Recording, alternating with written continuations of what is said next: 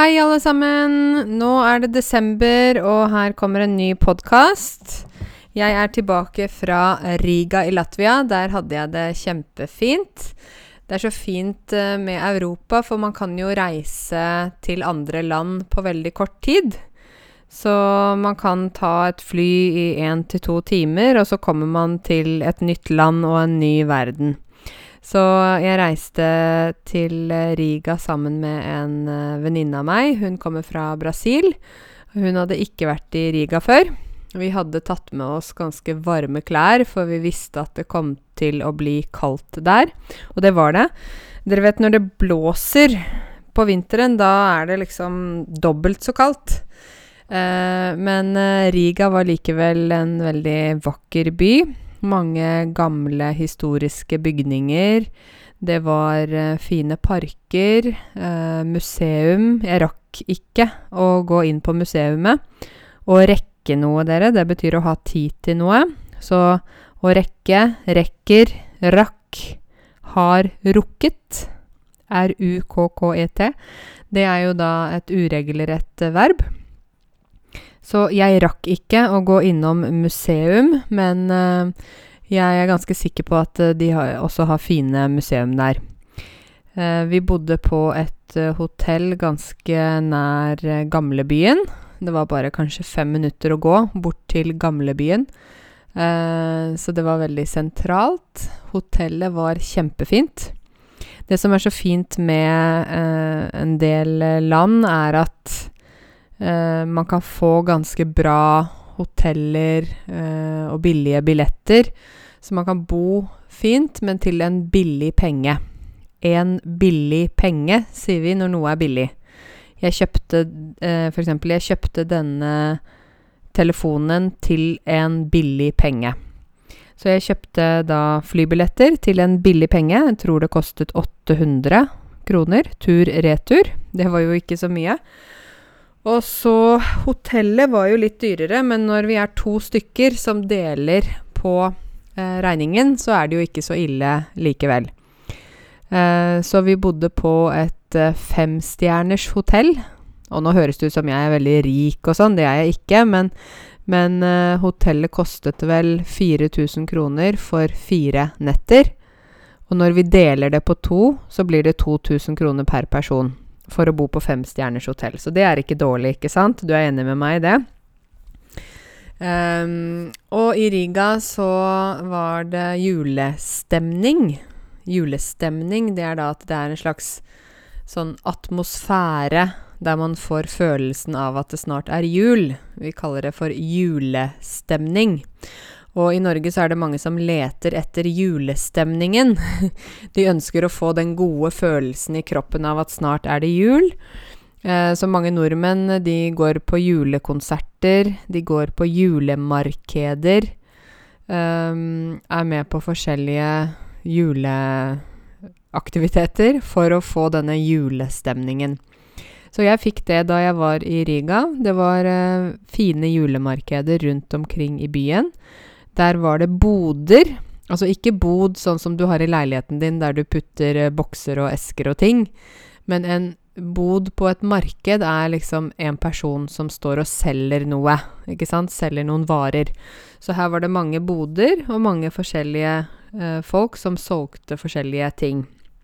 Noen solgte ullsokker, andre solgte um, pelsluer, pelsvotter.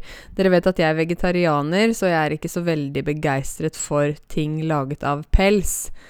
Uh, pels er jo det dyrene har. De har ikke hår, de har pels. Ikke sant? Vi mennesker har hår, dyrene har pels.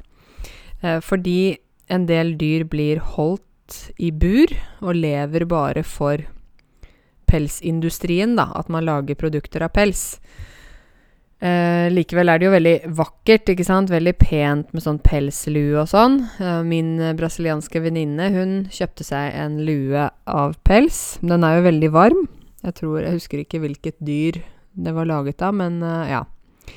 Så det var det. Det var, det var, mye pels i Latvia, for jeg tror det er veldig kaldt der. Så det er vanlig å bruke pelskåper, pelsluer osv., for det er kanskje Ikke kanskje. Det er det varmeste du kan ha på deg, vil jeg si. Um, og så hva annet kunne man kjøpe? Man kunne kjøpe forskjellig type mat.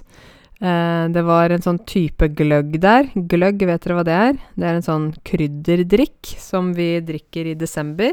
Det kan være både med og uten alkohol. Uh, gløggen, hvis man har rød gløgg, uh, så kan man blande inn rødvin. Og hvis man har da hvit gløgg, så kan man blande inn hvitvin, men den er da varm, så det er ikke kald hvitvin. Det er liksom varm drikke, da. Så har man nøtter og rosiner i. Så er den som en slags um, um, krydderdrikk, da. Uh, det syns vi også er koselig, og det gir oss også julestemning. så hvis du vil prøve å lete etter julestemning, så er det en del ting du kan gjøre. Gå på julemarkeder, drikke gløgg, gå på julekonserter. eh, pynte huset ditt med forskjellig lys. Noen har jo allerede satt opp juletre i stua. Ser flere på Facebook, de har bilder med juletre. For meg så er det litt for tidlig, fordi um, jeg, er, uh, jeg er en ganske moderne dame, men på en del ting da er jeg veldig tradisjonell. Så her i Norge så er det um, tradisjon for mange familier å sette opp juletreet lille julaften, dvs. Si 22. desember. Nei, 23. desember, unnskyld. Ikke bitte lille julaften, men lille julaften. Så jeg tror nok det blir slik for meg. Um, men uh, jeg forstår jo at man vil ha juletreet oppe så man kan uh, nyte det litt lengre, da. Ikke bare to uker. Um, tilbake til Riga. Ja, uh, hotellet der vi bodde, hadde spa. Så det var veldig praktisk. Vi tok bare heisen ned i underetasjen. Og der var det et spa. Uh, dere vet kanskje fra tidligere podkaster at jeg liker å gå på spa. um, så dette hotellet hadde fire forskjellige badstuer. Badstue er det samme som mange av dere sier sauna, sauna, finish sauna. Men på norsk sier vi badstue. Og det er, tror jeg, er veldig sunt for kroppen å gå i badstue, særlig om vinteren. For uh, man er liksom så kald og gjennomfrossen. Når man er gjennomfrossen, så er man helt kald. Helt inn til be beina. Helt inn til skjelettet. Så hvis man går og sitter i badstue, så får man liksom varmen i kroppen igjen. Og så blir man det vi kaller for salig etterpå. Salig er egentlig sånn religiøst ord, men å bli salig, da er man helt sånn Åh Hvis du skjønner hva jeg mener, da. Da vil du bare slappe av, drikke en kopp te, ta det med ro resten av kvelden. Så det er fint. Eh, og på spa der også så var det um, badebasseng og boblebad. Um, en interessant ting var at min brasilianske venninne eh, sa til meg at um, i Brasil eh, så er det ikke sånn at man lærer å svømme Altså før, da. Nå er det kanskje sånn, men, men når man bor inne i landet, altså ikke ved vannet, så er det ikke alle som lærer å svømme. Eh, så hun sa at hun kunne svømme, men ikke så veldig bra. Og jeg tror at det er en del innvandrere som ikke kan svømme sånn som kanskje jeg er vant til. Her i Norge så lærer vi å svømme på skolen. Det er en del av uh, kroppsøvingsfaget. Eller gym, som det het da jeg var barn. Uh, da har vi svømming én gang i uka i uh, ja, flere år. Og det er veldig For meg så er det som veldig naturlig ting å gjøre, det å svømme. Jeg kommer til å begynne å svømme igjen nå. Jeg pleier å gjøre det om vinteren. For jeg syns det er en fin måte å trene på. Samtidig så er det deilig å få kroppen litt under vann. Ikke bare gå rundt med store jakker og store luer, men også være litt i vann. Men eh, jeg tror en del kanskje av dere som hører på meg, også har den samme opplevelsen av at det kanskje ikke var ordentlig svømmeopplæring da dere var barn. Um, noen av dere kan svømme Kan sikkert svømme veldig bra, men en del kan ikke det, fordi at det ikke var vanlig å, å ha den type opplæring på skole eller um, på um, ja, fritidsklubber eller noe sånt, og da, da, har man jo ikke lært det.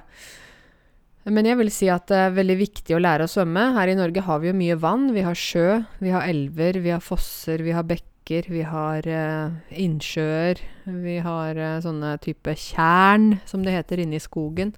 Og vi svømmer ofte. Eh, selv om det er kanskje kaldt. Særlig svømmer jo når vi drar til utlandet hvor det er mye varmere, da. Men uh, jeg har jo hørt om innvandrere som har, nesten har druknet her i Norge pga. at de da har prøvd å svømme, men så har de ikke kunnet det. Og det er jo livsfarlig, ikke sant? Hvis man ikke kan svømme. Uh, jeg har hørt om barn som har druknet her i Norge. Og drukne betyr at man går under vann og dør. uh, så hvis du ikke kan svømme, så vil jeg anbefale deg å ta et svømmekurs. Det finnes svømmekurs for voksne. Svømmekurs for uh, menn. For kvinner.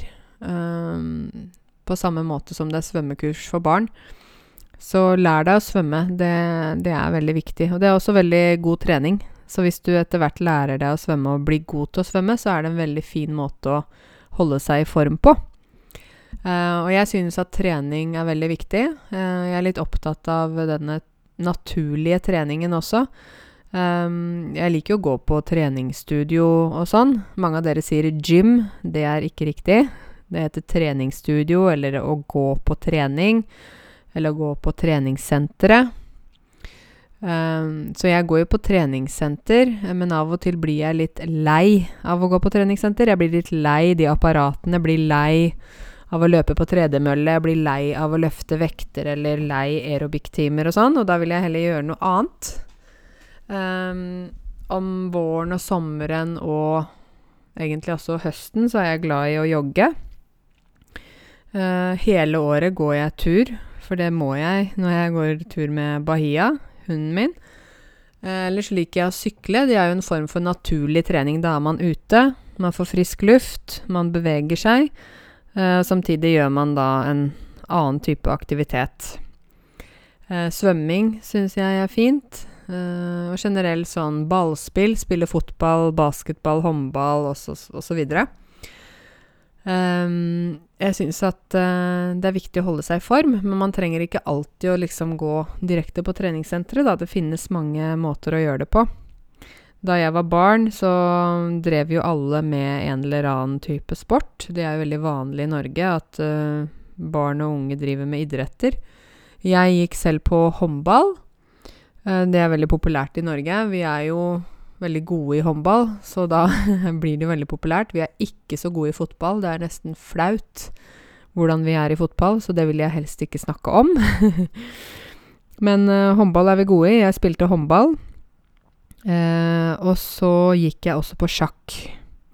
Dere vet nå at Magnus Carlsen, han vant verdensmesterskapet i sjakk, VM.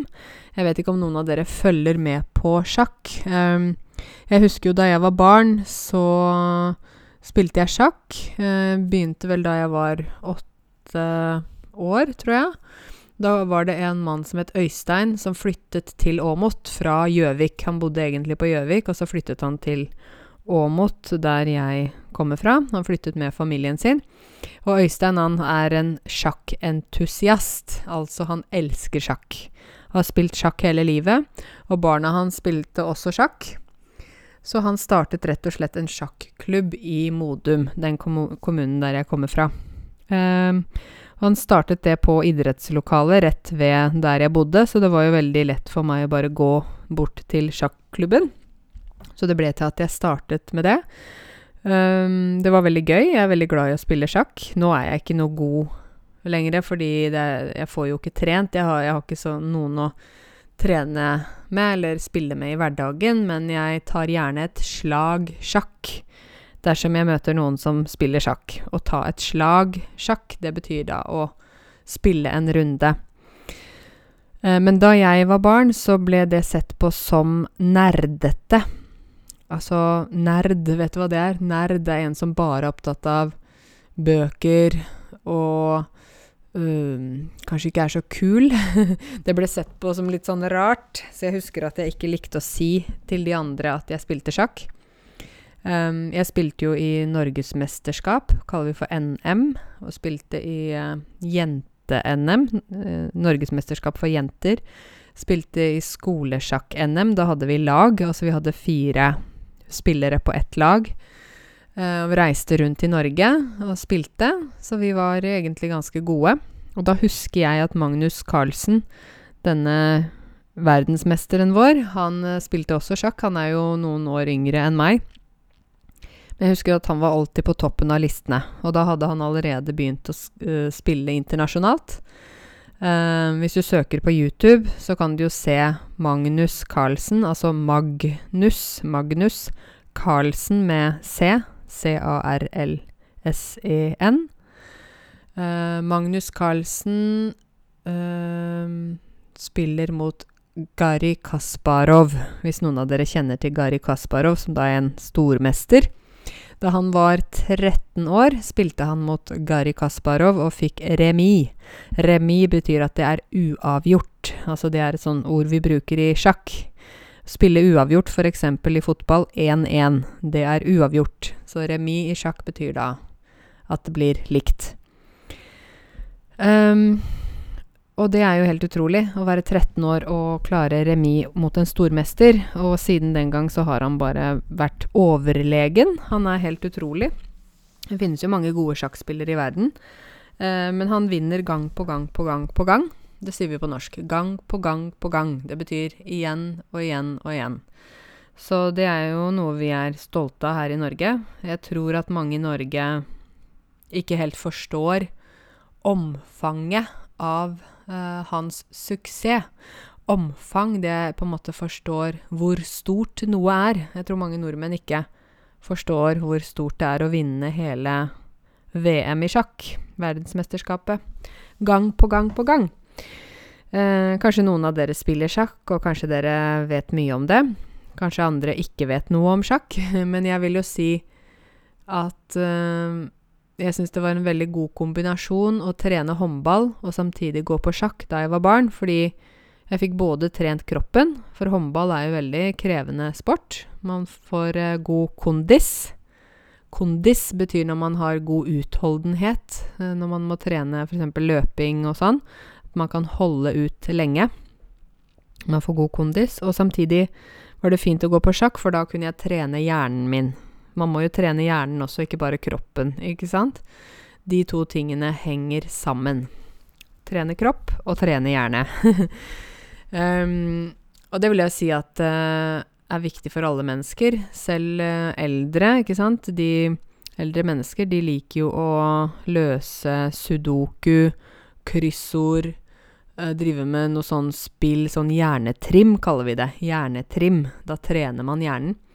Og jeg tror det er veldig viktig å holde hjernen i gang.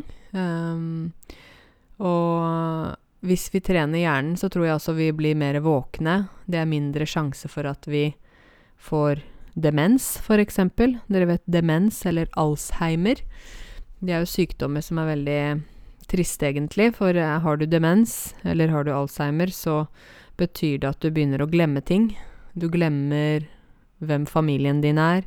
Du glemmer hvor du kommer fra. Du glemmer mange ting. Um, så jeg vil jo si at hvis man prøver da å holde seg både fysisk og psykisk i form, så er det vel store sjanser for at man unngår f.eks. tidlig demens, i hvert fall. At man blir dement veldig tidlig. Um, ja. Jeg vil, jo, jeg vil jo snakke faktisk lite grann om um, om norskprøvene, men jeg må bare si før jeg går inn på norskprøven, så må jeg bare si at Riga er fantastisk. til dere som ikke har vært i Riga, så vil jeg absolutt anbefale å reise til Riga. Uh, du trenger ikke så mye penger, men det er bra shopping der. Så jeg kjøpte meg både vintersko og vinterjakker. Jeg sier jakker, for jeg kjøpte meg to jakker. Og jeg kjøpte meg vinterstøvler og vinterstøvletter. Støvler er de som er lave, ikke med høy hæl. Og støvletter er de som er litt høye, som man gjerne pynter seg litt. Så det er fantastisk god kvalitet på øh, vinterting der, fordi at det er kaldt. Så de er profesjonelle på det. Her i Norge så er, jo, er vi også proffe på det, men jeg synes mye av klærne er veldig maskuline, også til damer, så jeg liker å pynte meg litt. Så da var det perfekt å handle i Riga. Men dra til Riga hvis du kan, og hvis du har lyst. Det er veldig, veldig vakkert. Så til dere som eh, kommer fra Latvia som hører på podkasten min, så må jeg bare si at uh, hovedstaden deres er veldig fin. Jeg har ikke vært i de andre byene ennå, men uh, det var flott å være der. Ok, dere. Jeg må snakke litt om norskprøvene. Uh, forrige uke og denne uken har det vært norskprøver, og det er vel fortsatt noen skoler Nei, skal vi se, det er vel kanskje over i dag, 5. desember. Eh, jeg har vært sensor og eksaminator på norskprøver denne uken. Eh, I går var jeg både sensor og eksaminator på muntlig A2B1-nivå. Um, å være eksaminator, det er da den læreren som sitter og spør spørsmål, ikke sant? Å være sensor, det er da den læreren som bare sitter og vurderer, som sitter og lytter. Så skal de to snakke sammen når prøven er over, og så setter de et nivå på eleven. Um, jeg tenker jo det her med muntlige prøver, det er jo en helt forferdelig prøveform, altså, dere. Jeg syns det nesten er som tortur. Tortur, ikke sant, er når noen gjør noe veldig vondt mot andre på en systematisk måte. Eh, fordi det å ha muntlige prøver Man blir jo så stressa. Man blir liksom Man skjelver. Vet du hva skjelve er? Uh, skjelve betyr at man rister hendene, liksom man, liksom man kjenner hele kroppen bare er helt sånn Rister. Um, man Av og til kan man stamme. At man Det kan skje. Man svetter både i ansiktet og særlig i hendene når man skal hilse på sensor og eksaminator. Um, man, noen blir røde i ansiktet, andre blir de, Man blir helt sånn stressa. Så hele kroppen går inn i en sånn type beredskapsmodus. Eh, beredskap betyr at man beskytter seg mot en krise, ikke sant? Så Norge f.eks. har jo en beredskapsplan. Hvis det skjer en, noe terror i Norge, så har vi en plan for hvordan vi skal beskytte oss. Men kroppen går inn i en beredskapsmodus i, på sånn type muntlig eksamen, fordi det er jo en veldig litt sånn ekkel prøveform. Det er ubehagelig. Man sitter da foran andre og skal vise hva man kan muntlig. Uh, man kan oppnå gode resultater, men man kan også oppleve at man får det som vi kaller for jernteppe. Ikke jernteppe, men jernteppe. Jernteppe kommer egentlig fra um, balletten i Russland, tror jeg, der det var en sånn type teppe Ikke teppe, var en sånn type jern... Uh, jern... Uh, vegg eller sånn som gikk ned på teatret. Uh, ja, jeg tror, jeg tror, det er opprinnelsen. Jeg har lest et eller annet sted. Men jernteppe betyr i hvert fall at hel Altså at man bare Det blir svart. Man husker ingenting. Det er liksom man, ingen ord som kommer, ingen informasjon som kommer. Og det er jo så grusomt. Uh, man vet kanskje mye. Man har mye på hjertet. Å ha noe på hjertet betyr at man har mye å si. Og så bare kommer det ikke ikke de ordene som du vil si. Um, så, og så sitter jo da en uh, norsk person gjerne foran deg da og stiller disse spørsmålene, prøver å hjelpe deg til å snakke mer, så klarer du ikke snakke mer. Så sitter en sensor som sitter og skriver på noen papirer, ikke sant. Det blir helt sånn åh, grusom situasjon. men uh, det er jo ikke alle som opplever det, men jeg vil si at veldig mange blir veldig nervøse når det gjelder muntlig eksamen, uh, og det forstår jeg godt. Jeg har jo hatt flere muntlige eksamener selv. Og jeg husker jo den følelsen. Eh, det er litt rart å sitte på andre siden av bordet nå. Å sitte på andre siden av bordet, det, det, kan vi si om noe fysisk, at ja, jeg sitter på andre siden. Jeg også kan si at jeg er i en annen posisjon enn deg. Eh, så det er lettere å sitte på min side av bordet enn på din side av bordet, ikke sant, når du har disse eksamene. Um, jeg prøvde jo å hjelpe så godt jeg kunne de som hadde muntlig eksamen. Det gikk jo ganske bra, egentlig. Uh, det jeg syns er litt uh, fascinerende, er jo Altså, når jeg åpna døra og skulle hilse på de som skulle ha muntlig, så ble de så overrasket over at det var meg. 'Hæ, Karense, er det deg? Nei, er du her? Å nei, nei, nei!' Nå blir jeg ekstra stressa. Å, herregud, er det Karense? og, og, dere vet, jeg lager jo disse videoene og disse podkastene og sånn for meg selv. Men jeg ser jo ikke alltid dere så ofte, så øh, jeg blir jo også litt overrasket når fremmede folk kommer bort til meg og liksom kjenner meg igjen, fordi jeg sitter jo bare og gjør dette her for meg selv. Det er jo ikke noe sånn jeg, jeg, ser jo ikke sånn effekt av det i hverdagen, bortsett fra at jeg ser at mange tusen mennesker har sett videoene mine, at jeg har mange tusen abonnenter osv. Men det er jo ikke mennesker jeg ser, ikke sant? Det er bare tall inne på en dataskjerm inne på YouTube.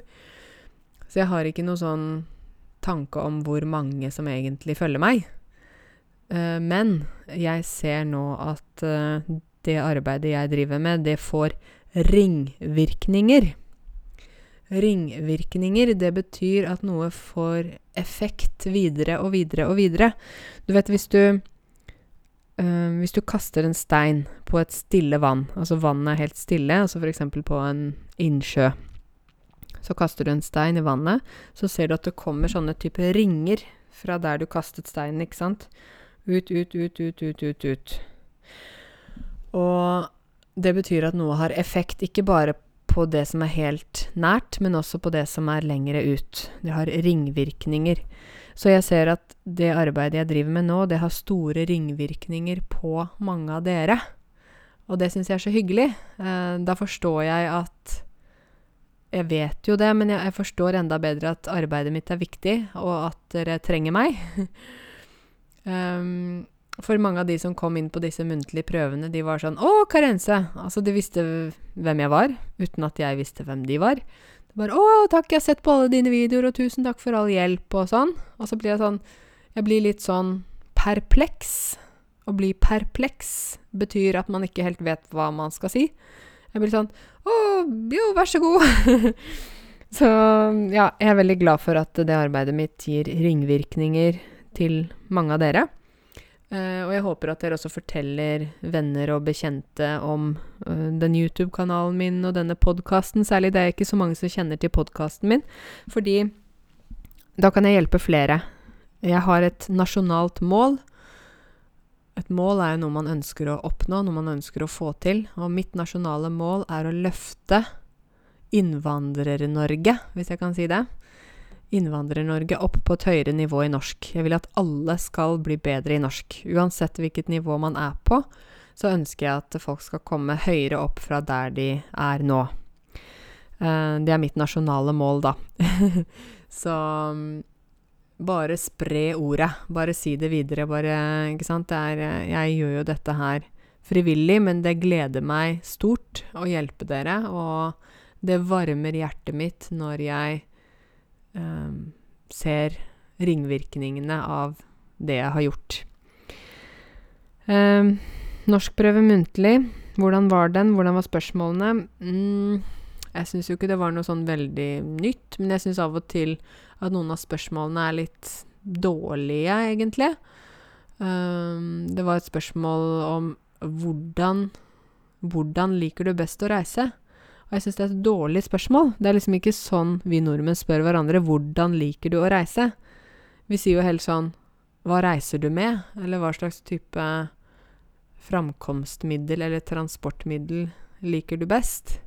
Så hvordan liker du å reise? Jeg syns det er en dårlig oppgave, da. Og da var det mange elever som ble sånn mm, Hva da? Hva mener du? Ikke sant? Som ikke var på så høyere nivå. De blir jo veldig stressa. Hva, hva menes med det?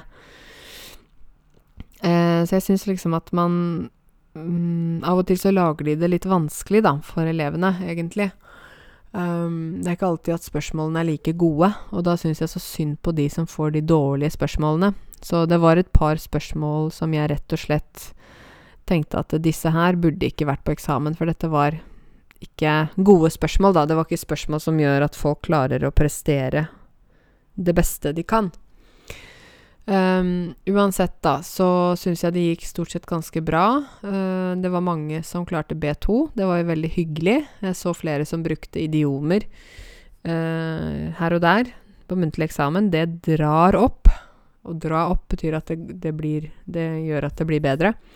Så det drar jo opp å bruke idiomer. Uh, det drar også opp å bruke sånne type forsterkende ord som jeg mener at dessuten, derfor, selv om Altså, ja. Og det var det flere som gjorde. Um, jeg tror jo i 2019 at det skal bli um, Det skal bli Hva heter det? Mm, nå må jeg bare tenke litt. Nå står det stille her. Nei da, det står ikke så stille. Det skal bli B2C1-eksamen også. Det blir jo spennende.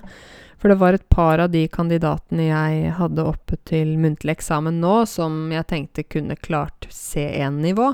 Men så har ikke vi noe skjemaer eller papirer til å kunne sette den eleven opp til det nivået, og da Ja, da har man jo ikke mulighet. Men eh, noen kunne nok prøvd C1-nivå. Og så ser jeg at enkelte kandidater undervurderer seg selv. Altså de har meldt seg opp til feil nivå. Eh, vi hadde jo, det var to stykker vi hadde oppe til A2B1, eh, som vi faktisk måtte ta inn igjen i rommet, og måtte stille B2-spørsmål og påstand, og hvor de klarte B2. Det var jo utrolig hyggelig. Eh, så de hadde meldt seg opp til A2B1, og så plutselig, så når de da kommer til å få dette brevet, så er resultatet B2. Det er jo helt overraskende. Og det er jo veldig hyggelig. Men vi kan ikke si resultatet der og da.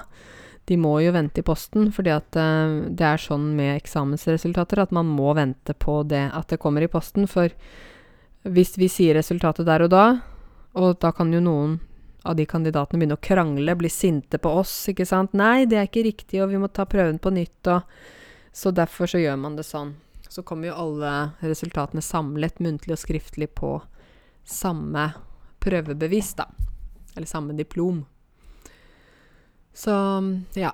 Men eh, bra jobba til dere som har hatt eksamen nå. Det er slitsomt. Jeg vet at mange av dere føler dere veldig presset. Samtidig føler dere kanskje også at dere må f.eks. Få B2 fordi dere skal søke om å komme inn på universitetet, eller dere har en jobb som venter hvis dere klarer dette nivået eller dette nivået.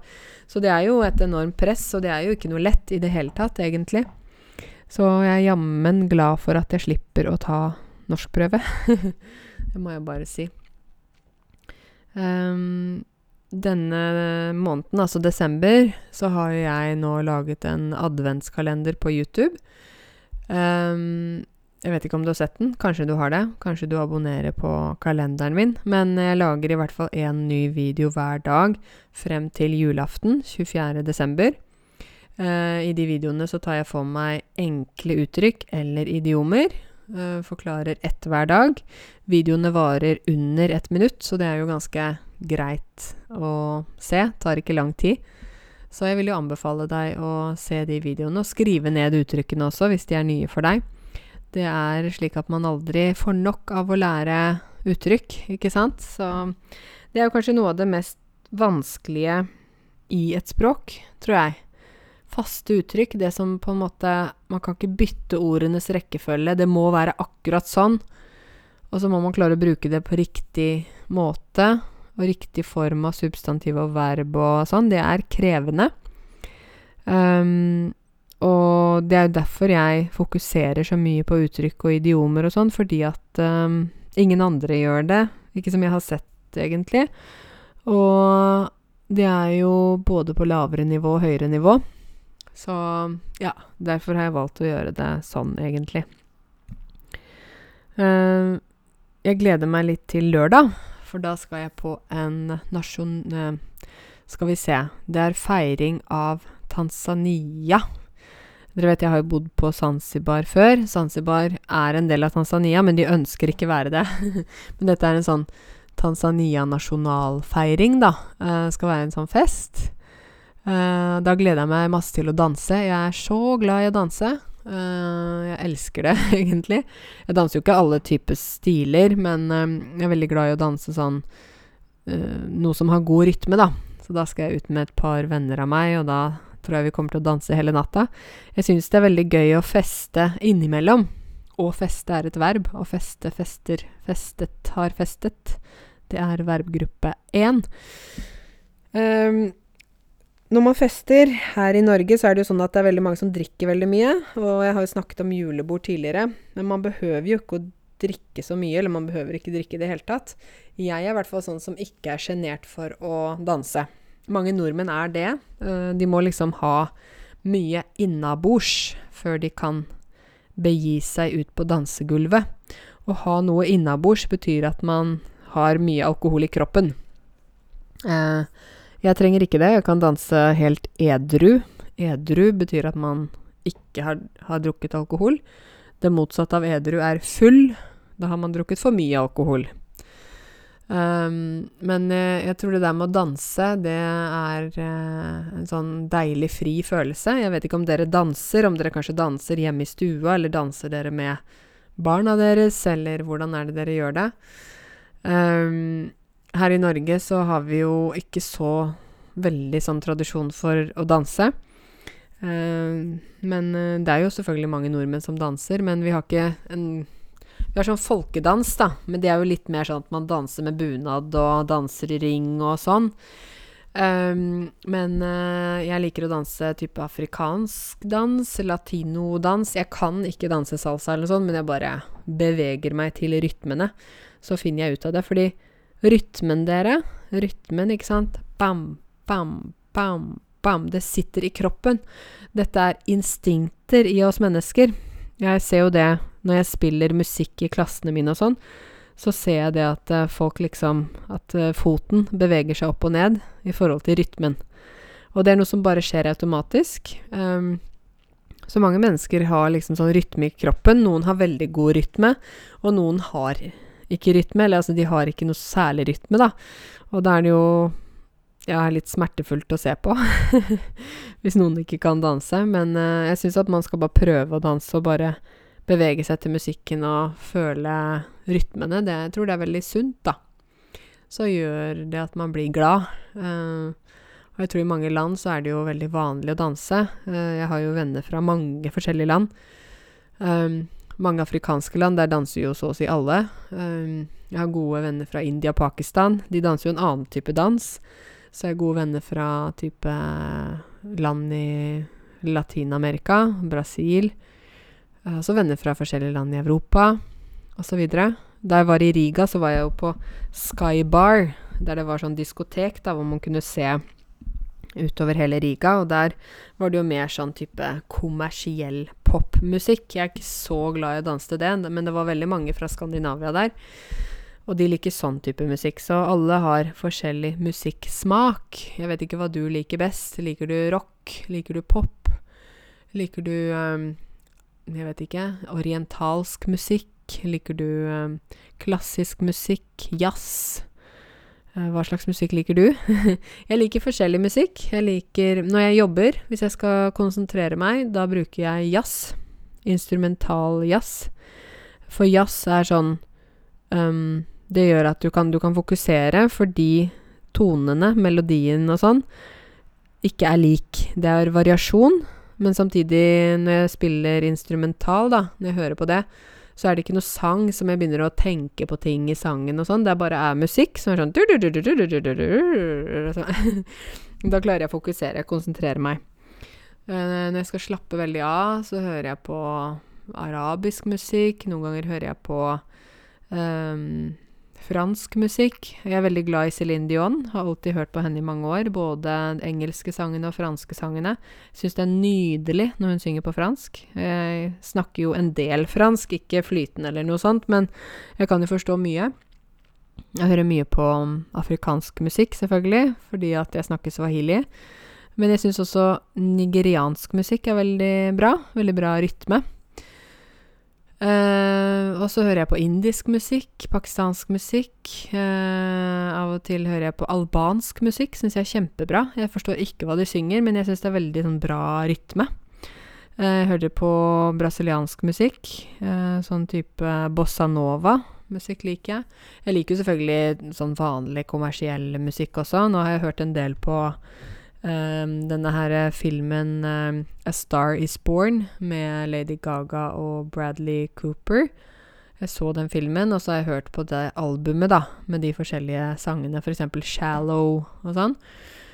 Um, ja, og så hører jeg på norsk musikk også. Det gjør jeg selvfølgelig. Men jeg syns ikke det er så mye norsk musikk. Det er liksom, Vi mangler litt. Vi trenger litt mer. Flere artister. Det er jo mange klassikere, da. Um, jeg vil jo gjerne høre fra dere hvis dere har noe musikk som dere kan anbefale meg. Jeg liker ikke sånn rock og sånn der veldig sånn slitsom trance-musikk og sånn. Da blir jeg helt sliten i hodet, så det, det liker jeg ikke. Men jeg liker forskjellig type Ja, interessant sånn ja, Orientalsk også. Arabisk musikk hører jeg mye på. Um, ja, hører egentlig på all type musikk. Svensk musikk innimellom. Ja, så kom gjerne med anbefalinger hvis du, hvis du vil det. Um, jeg har jo nå denne Facebook-gruppen min som vokser og vokser og vokser og vokser. Hørte du at jeg sa det verbet mange ganger nå? Det vokser og vokser og vokser og vokser. Hvorfor sier jeg det verbet fire ganger? Det er for å understreke at det vokser. sånn sier vi ofte på norsk, da. For eksempel Karense bare snakker og snakker og snakker og snakker. Gjerne sier vi det fire ganger. Uh, så det er for å understreke noe, at noe skjer mye, da. Det er Ja. Um, så um, hvis du ikke er medlem av Facebook-gruppen min, og hvis du er på Facebook, da, så kan du jo bli medlem. Det heter Norsklærer Karense. Så velkommen til alle. Der legger jeg ut videoer, podkaster, uh, svarer på spørsmål om diverse ting, grammatikk osv. osv. Um, legger ut tips til forskjellige websider, ja, alt mulig. Der er jeg ganske aktiv i den gruppa, da. Så det er mye som skjer der. Eh, nå dere skal jeg spise middag. Jeg lager deilig gresskar. Jeg baker gresskar i ovnen. Når vi, når vi, tar grønnsaker i ovnen, og når det står lenge, f.eks. hvis vi tar en potet i sølvfolie Altså du vet du pakker inn poteten i sølvfolie, og så lar du poteten ligge i, i ovnen i kanskje en time. Da sier vi at det er bakt potet, eller vi baker en potet.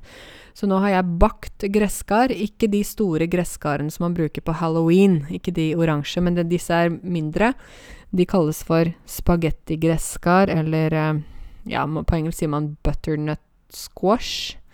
Det syns jeg er utrolig eh, godt. Da tar jeg etterpå tar jeg på rømme, salt og pepper, og så har jeg litt andre ting ved siden av. Det er nydelig. Så det er godt å spise litt sånn sesongbasert mat, da. Nå er det jo snart slutt på gresskarene. Eh, snart kommer snøen og vinteren. Så da må vi spise det opp mens det ennå er ferskt. Det er vanskelig å si det ordet. Ferskt. Selv er vanskelig for meg. ok, dere. Følg med på adventskalenderen min, og ha en fortsatt fin desember. Ny podkast kommer forhåpentligvis neste uke. Takk for at du hørte på, og ha det godt.